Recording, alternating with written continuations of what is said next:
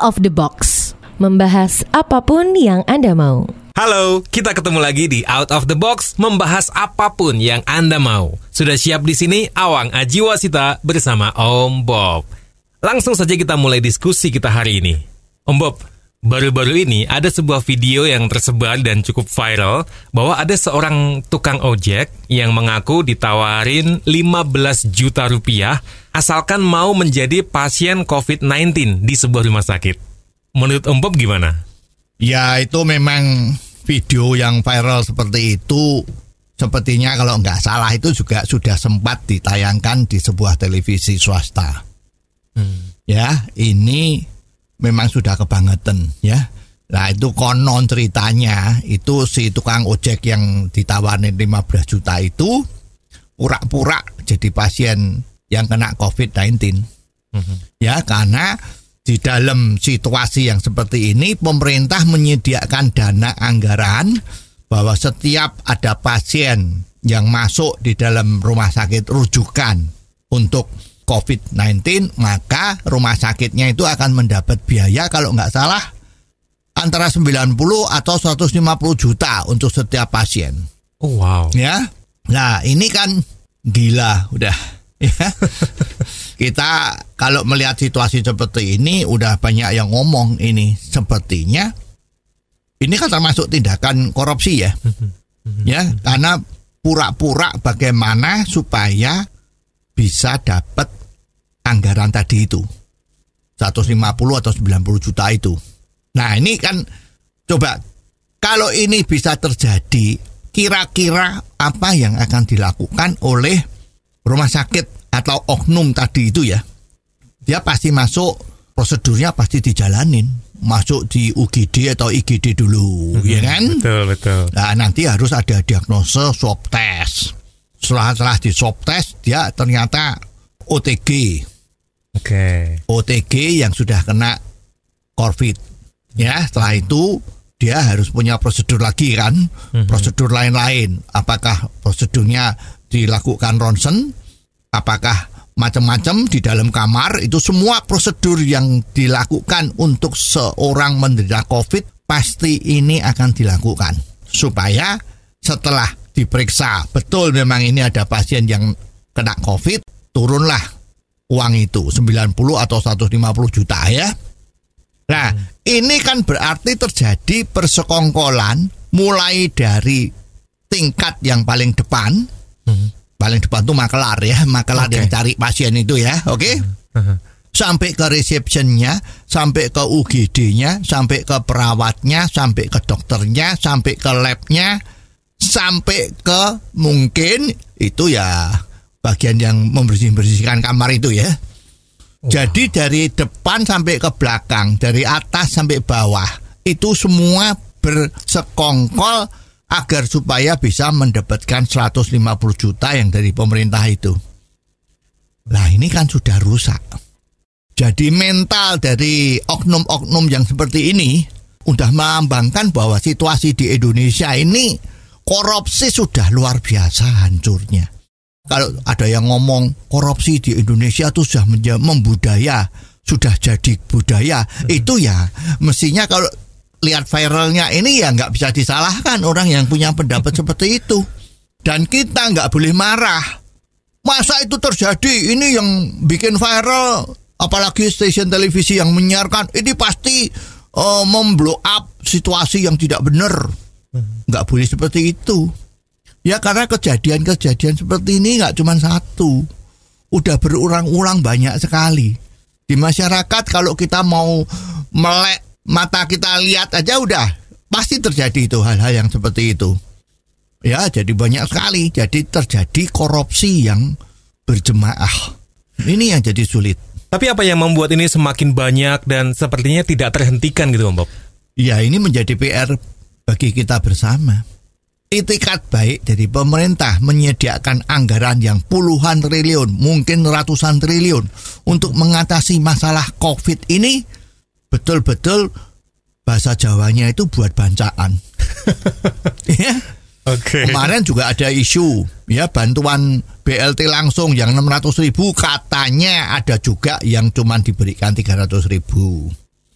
Ya, terus kemarin tuh ada juga sekarang KPK juga lagi eh, melakukan cross check bantuan kepada karyawan-karyawan yang gajinya di bawah 5 juta itu kan mendapat bantuan 600 ribu. Ini sekarang katanya juga ini diragukan apa-apa betul-betul sampai ke tempat yang dituju.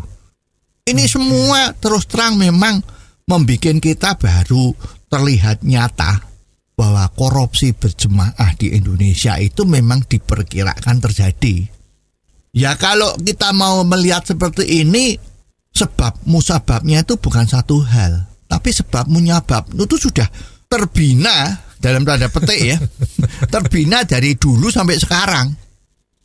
Ya, sejak mulai berdirinya KPK itu kan sudah mempunyai suatu gambaran yang dirasakan betul-betul terjadi bahwa di Indonesia itu korupsi secara besar-besaran dilakukan.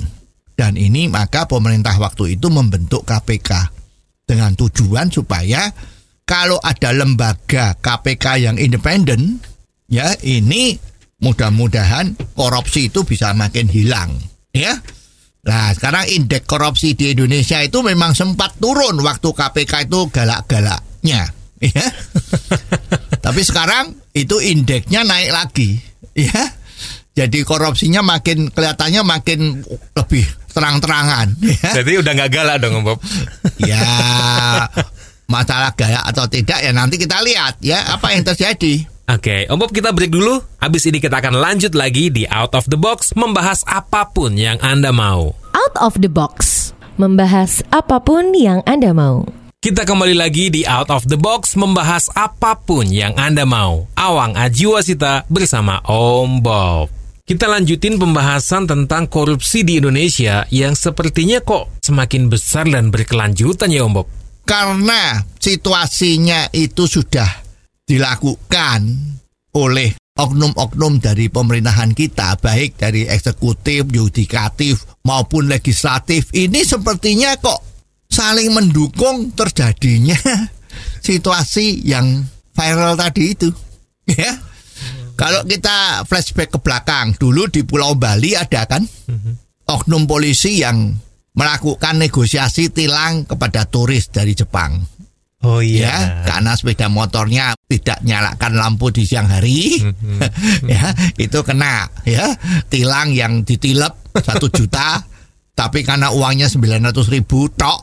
Jadi biarlah tidak apa-apa no problem. Ya 900 ribu juga oke. Okay. you will be safe katanya begitu. Ayo dah jalan saja nggak apa-apa. Karena sudah bayar. Ya nah itu. Jadi banyak sekali kejadian-kejadian. Ini memang akibat dari situasi yang semuanya itu mendukung ke arah sana. Coba sekarang kita mulai lihat ya. Kemarin KPK yang sedemikian kuatnya itu terdapat penggembosan dengan perubahan undang-undang KPK yang dilakukan oleh DPR dengan kuatnya mengatakan undang-undang baru ini adalah memperkuat KPK. Ya semua seolah-olah ya digiring bahwa ini undang-undang ini yang baru itu adalah memperkuat KPK. Oke. Ya. Tetapi banyak orang yang juga bingung. Kalau memperkuat KPK, kenapa kalau mau melakukan penyadapan yang dulunya tidak pakai izin, sekarang harus pakai izin. ya. yang dulunya uh, punya kekuatan luar biasa, sekarang mulai agak dikurang-kurangin. Ya, sepertinya terjadi hal-hal yang seperti itu. Terus juga fokus dari KPK. Kalau dulu adalah penindakan lebih utama, sekarang sepertinya ya yang diutamakan pencegahan. Oke. Ya, jadi ini ini dari faktor lembaga yang menangani koruptor ini. Juga kemarin ya sepertinya ada lebih dari 30 petugas-petugas KPK itu pada mengundurkan diri. Ya tidak nyaman kalau di dalam KPK lagi yang situasinya sudah tidak seperti KPK kemarin-kemarin dulu yang eh, cukup angker tadi itu ya. Kalau kita lihat siapa yang mundur-mundur itu ya termasuk tokoh-tokoh yang kemarin-kemarin itu mendapat simpatik dari masyarakat. Cara ngomongnya, cara bekerjanya, integritasnya itu sangat luar biasa. Tapi pada mengundurkan diri. Lah, ini kan jadi indikator ya. Eh, nggak cuman itu ya sekarang setelah ada hakim agung kita yang pensiun ya hakim agung kita ini yang dulu sangat terkenal karena kalau ada terpidana koruptor yang mengajukan kasasi atau banding itu kebanyakan hukumannya ditambah. Nah ini kan kalau orang yang tidak tahu atau agak peka itu pasti nganggap ya salahnya sendiri. Kamu sudah salah, dihukum, ya hukumannya itu kan ya tidak terlalu berat ya kalau menurut ukuran dari negara-negara lain. Itu kok ya masih berani-beraninya mengajukan banding seolah-olah tidak salah. Atau ya salah tapi tidak banyak. Dengan harapan hakim di atasnya tadi hakim banding itu bisa meringankan.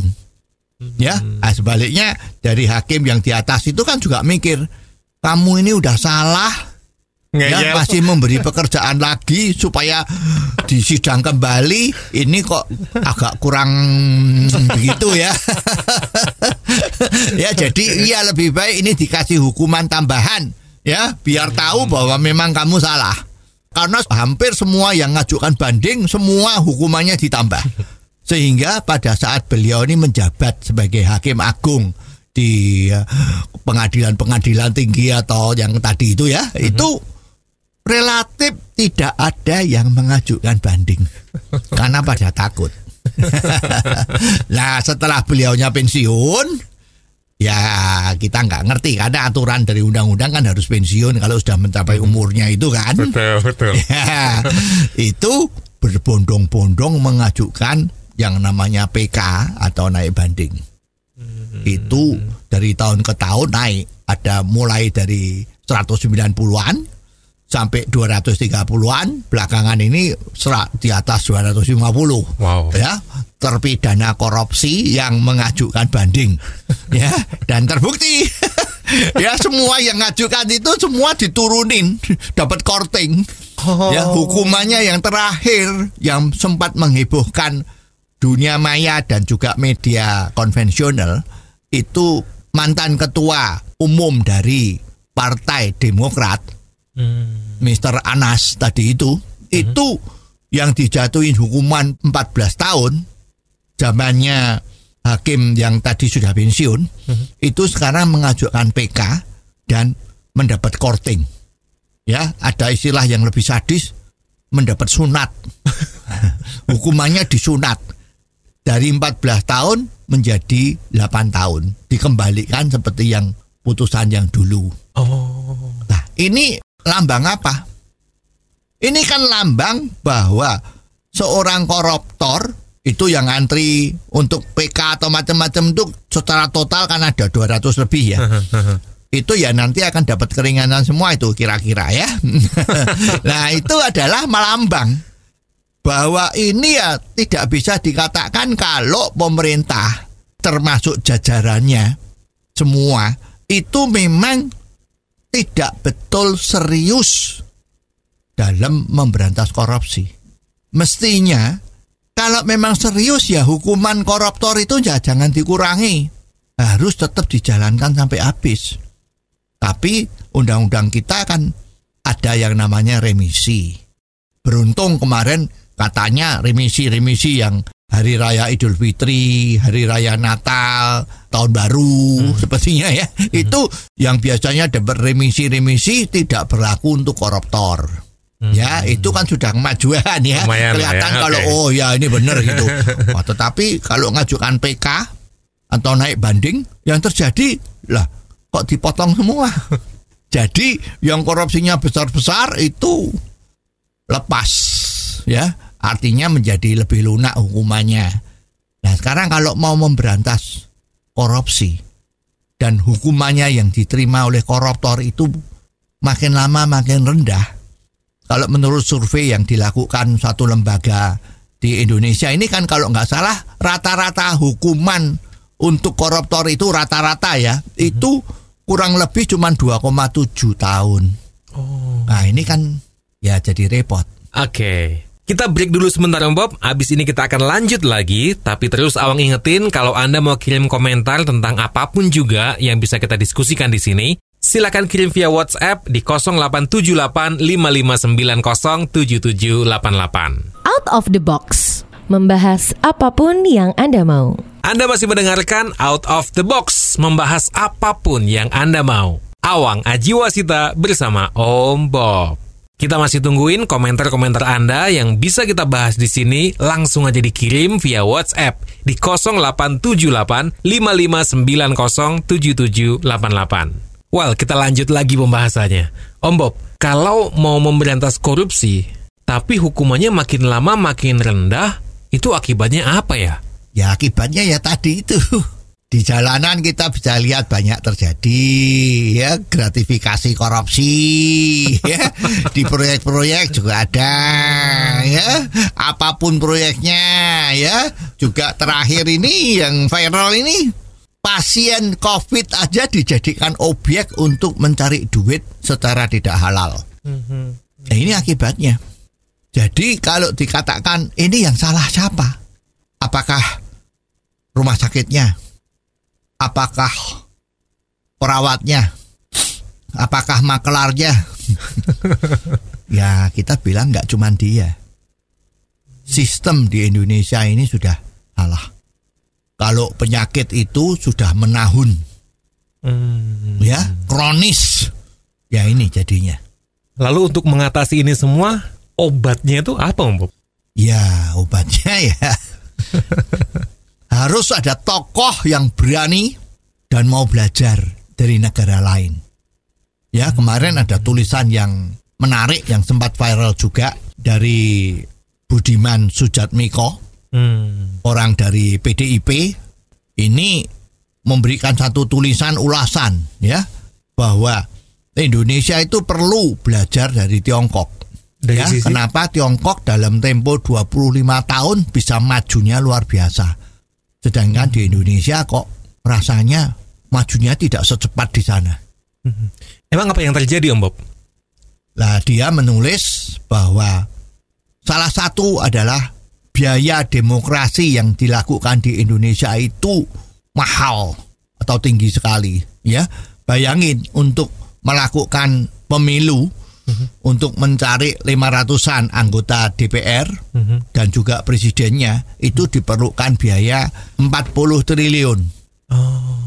40 triliun itu kan biaya seperti bikin highway Trans Sumatera jalan tol itu ya. Tapi hasilnya apa? Hasilnya karena pelaksanaannya itu kurang benar, masih ya masih belajar lah ya, bukan seperti demokrasi di Amerika. Nah hasilnya cuman ribut melulu. Dulu ada pangkop kamtip kita, Sudomo, itu kan ngomong ya, jangan asbun. Lah ini ternyata ini sampai sekarang masih asbun ya. Anggota-anggota terhormat kita itu oknum-oknumnya ya, itu oh masih asbun, asal bunyi. Ya, tapi pekerjaan yang dilakukan kelihatannya lo kok nggak banyak dan nggak nyata. Ya tidak bisa dirasakan langsung. Lah mestinya ini harus dipikirkan kembali. Jadi kalau di Tiongkok sana memilih pemimpin baik itu daerah atau pemimpin nasional itu memang harus dimelalui pengamatan track record yang bagus ya. Sekarang seperti presiden di sana itu yang sekarang dipuji oleh seluruh dunia itu karirnya di dalam profesional mengelola masyarakat, mengelola kota, mengelola negara itu sudah 30 tahun. Baru bisa menjadi presiden. Nah sekarang mau jadi bupati, mau jadi wali kota itu asal didukung oleh partai ya dan kampanyenya meyakinkan itu udah jadi ya jadi kalau udah jadi kan penguasa tunggal. Ya entah bagaimana caranya pokoknya udah menjadi penguasa tunggal sehingga apa yang dilakukan itu ya sering-sering tidak sejalan ya dengan apa yang diinginkan oleh masyarakat dan tuntutan zaman.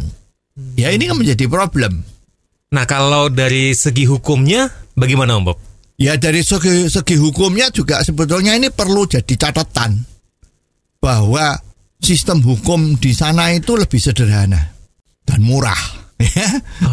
Ketentuannya seolah-olah sudah menjadi patokan. Ya, kalau mencuri dengan kekerasan, artinya itu kalau kemarin itu kan banyak kejadian di sini kan, mencuri terus korbannya dibunuh. Oh iya, iya Bahkan iya. ada yang dibunuh sekeluarga. ya. Nah, itu hukumannya mati. hukuman mati. Udah nggak usah terlalu banyak macam-macam. Dan kalau terjadi korupsi bagaimana? Ya korupsi kalau di atas satu miliar rupiah ya, Aha. itu udah dihukum mati. Wow. Ya kalau di bawah satu miliar juga pencurian tanpa kekerasan hukumannya kerja paksa. Oh kerja paksa. Ya kalau di sini kemarin apa yang terjadi? Hukum sos kerja sosial. Menyanyi ya, nyapu di jalan, Iya. disorot televisi, diedarkan di YouTube, malah jadi selebritis. Kalau di sana negara komunis itu disuruh kerja paksa. Hmm. Jadi kalau ada proyek-proyek, itu kan ada proyek terus tuh sana ya. Terkenal highway-nya, terkenal kereta api cepatnya, terkenal bendungannya. Pokoknya proyek itu ada terus. Nah kalau ada yang melanggar-melanggar seperti ini, angkut kerja paksa. Oh. Bukan enak-enak di dalam penjara dikasih makan. Kerja paksa. Harus kerja. Ngangkat batu kek, mengaspal jalan kek, membersihin air kek, memendung air kek, itu semua. Om Bob, kita akan lanjutin sesaat lagi ya. Ingat, kita masih terus tunggu komentar-komentar Anda tentang apa pun juga yang bisa kita bahas di sini. Langsung aja dikirim via WhatsApp di 0878 5590 7788. Out of the box. Membahas apa pun yang Anda mau. Terima kasih Anda masih terus ada di Out of the Box membahas apa pun yang Anda mau bersama Awang Ajiwasita dan Om Bob. Silakan dikirim komentar-komentar Anda tentang apa pun juga yang bisa kita bahas di sini.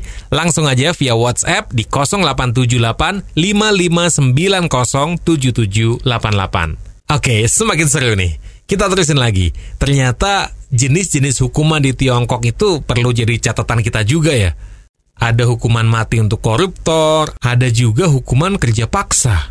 Ya ini, jadi tenaga-tenaga yang tadi itu bikin kacau, ya kan, itu dimanfaatkan untuk kerja. Pasti diawasi. Jangan yang sudah di penjara seperti kemarin itu malah lari. Nah, bayangin, itu yang masuk penjara kemarin yang karena narkoba, yang dijudah jatuhin hukuman mati, itu bisa meloloskan diri. Oh, yang di lapas Tangerang itu, Om Bob. Ya ini udah meloloskan dua kali. Katanya tiga tahun yang lalu sudah lolos Ketangkep lagi dalam tempo dua hari Masuk lagi sekarang lolos. Ini sudah kurang lebih dua minggu nggak ketemu. Ya, Sampai baru ketahuan kalau sang narapidana hukuman mati tadi itu meninggalkan penjara itu dengan lari itu 11 jam kemudian baru ketahuan. Ya ternyata ini kemarin ada satu statement bahwa ternyata dia ada main dengan petugas yang di sana. Oh. ya petugas penjara ya. Katanya cuma dikasih 100 ribu perak. Oh. membantu dia untuk lolos. Nah ini kan gila kan. Ini korupsi nggak nih? Gratifikasi korupsi. Iya, iya, iya. Tadi itu yang kita bicara di atas itu. Ah. ini akibatnya. Jadi integritasnya nggak ada yang dilihat cuma duit. Ya pokoknya ada duit. Ya tapi kalau satu ribu mau ya saya kira kok nggak satu ribu lah ya. Ya inilah cermin dari keadaan masyarakat kita. Petugas kita. Petugas di penjara itu fungsinya kan ngawasin orang yang di penjara supaya baik supaya tidak berbuat sesuatu yang bisa lari jangan yang macam-macam tapi di penjara itu bayangin kemarin banyak yang dirilis dari eh, berita-berita itu. Dari penjara itu banyak tokoh-tokoh narkoba. Takut narkoba. itu yang tetap bisa menjadi penyalur narkoba di luar penjara. Oh. ya terus di dalam penjara itu udah peredaran obat-obat terlarang seperti itu udah seperti pasar katanya seperti itu. Nah ini gimana ya oke kita kembali tadi. Ya Oke. nggak cuman korupsi di bawah satu miliar maupun pencurian ringan, tetapi yang berjudi secara ilegal, ya pedagang-pedagang yang berdagang di tempat yang terlarang ya seperti sekarang ini kan tuh Tanah Abang itu kan nggak boleh buat dagang, tapi buat dagang. Nah, itu ditangkap ya.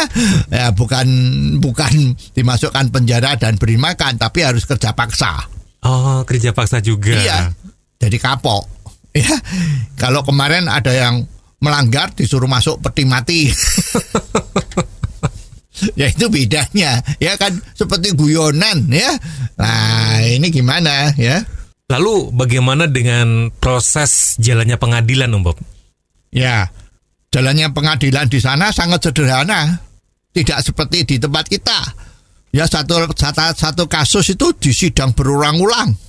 Ya, harus pakai pengacara macam-macam. Di sana enggak. Sederhana dan murah. Begitu melanggar, begitu disidang, hari itu diputus, hari itu eksekusi.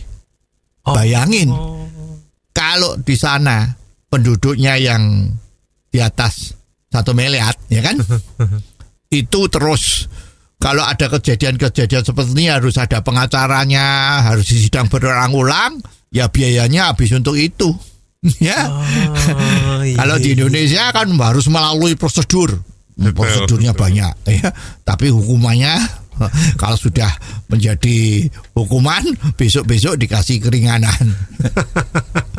Nggak puas masuk ke PK okay. diturunin lagi. Ya jadi biayanya di sini energinya tuh habisnya ya untuk yang seperti itu.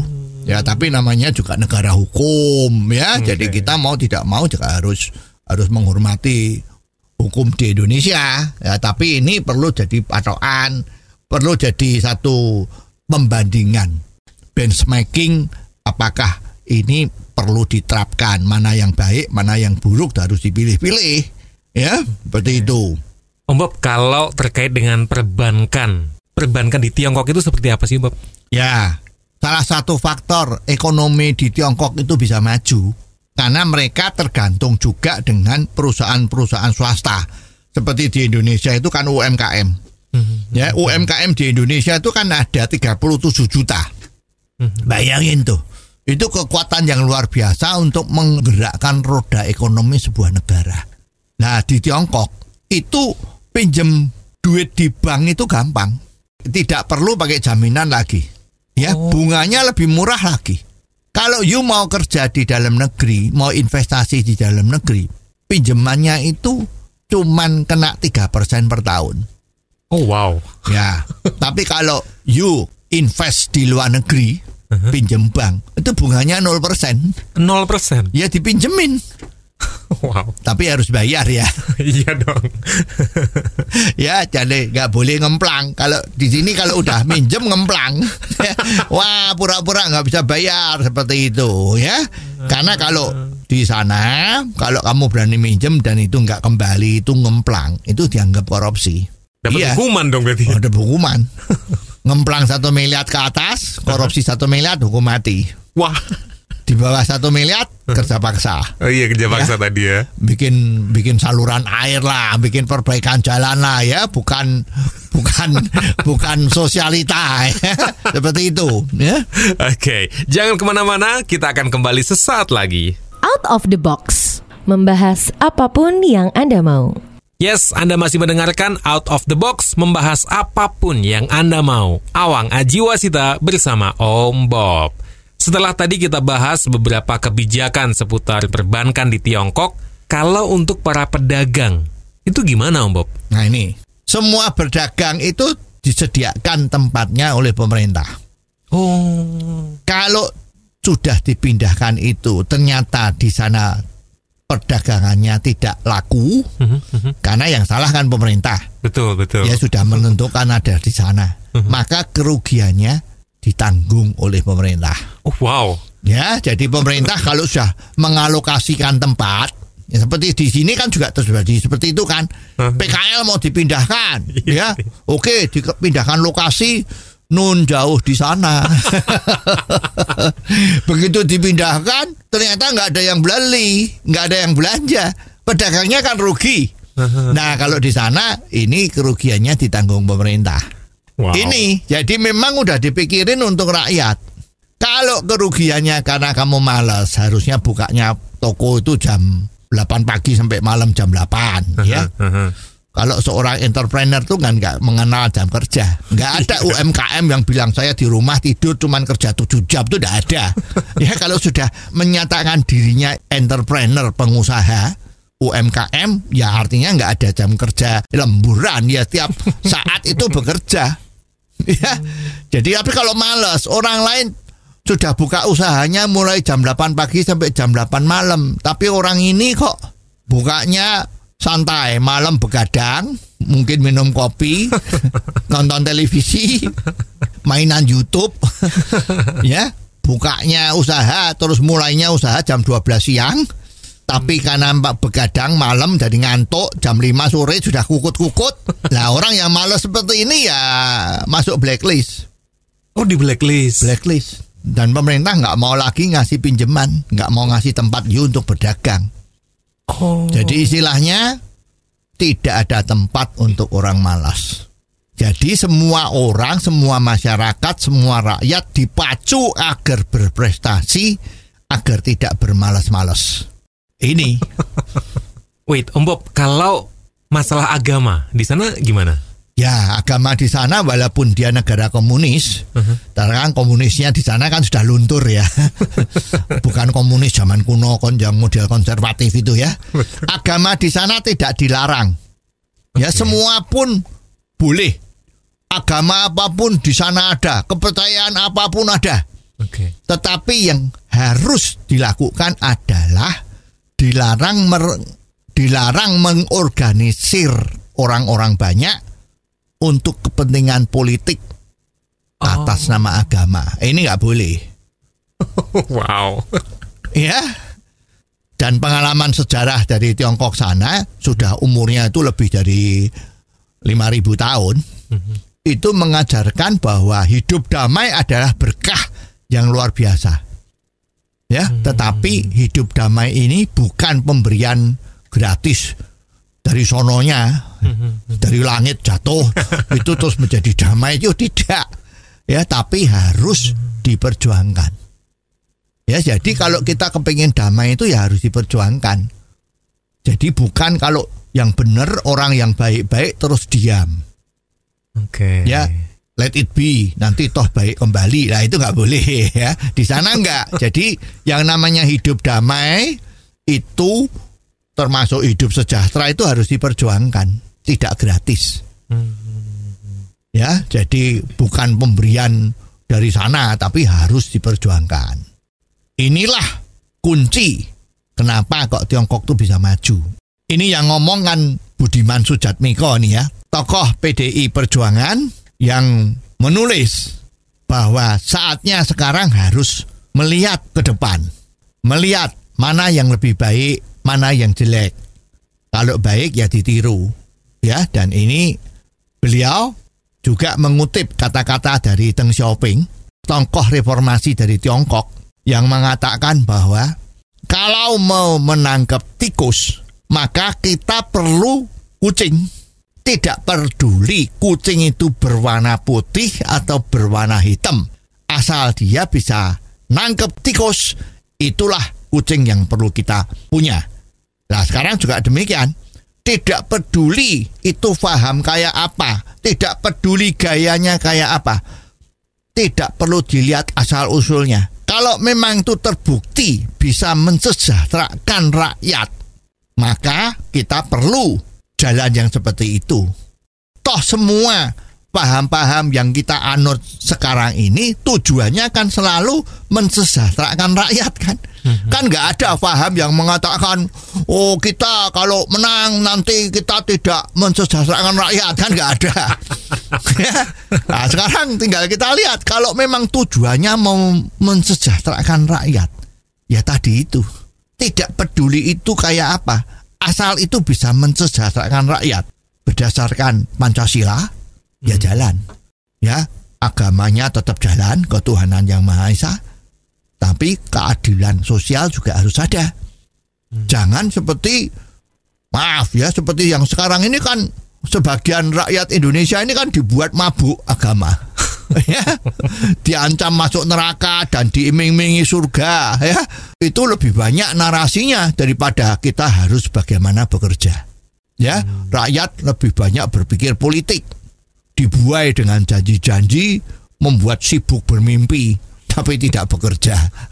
Ini yang ngomong Budiman Sujatmiko tokoh PDI Perjuangan yang sempat viral. Dan patut kita renungkan jangan-jangan saatnya kita harus berani melakukan perubahan yang gradual pelan-pelan menuju ke sana.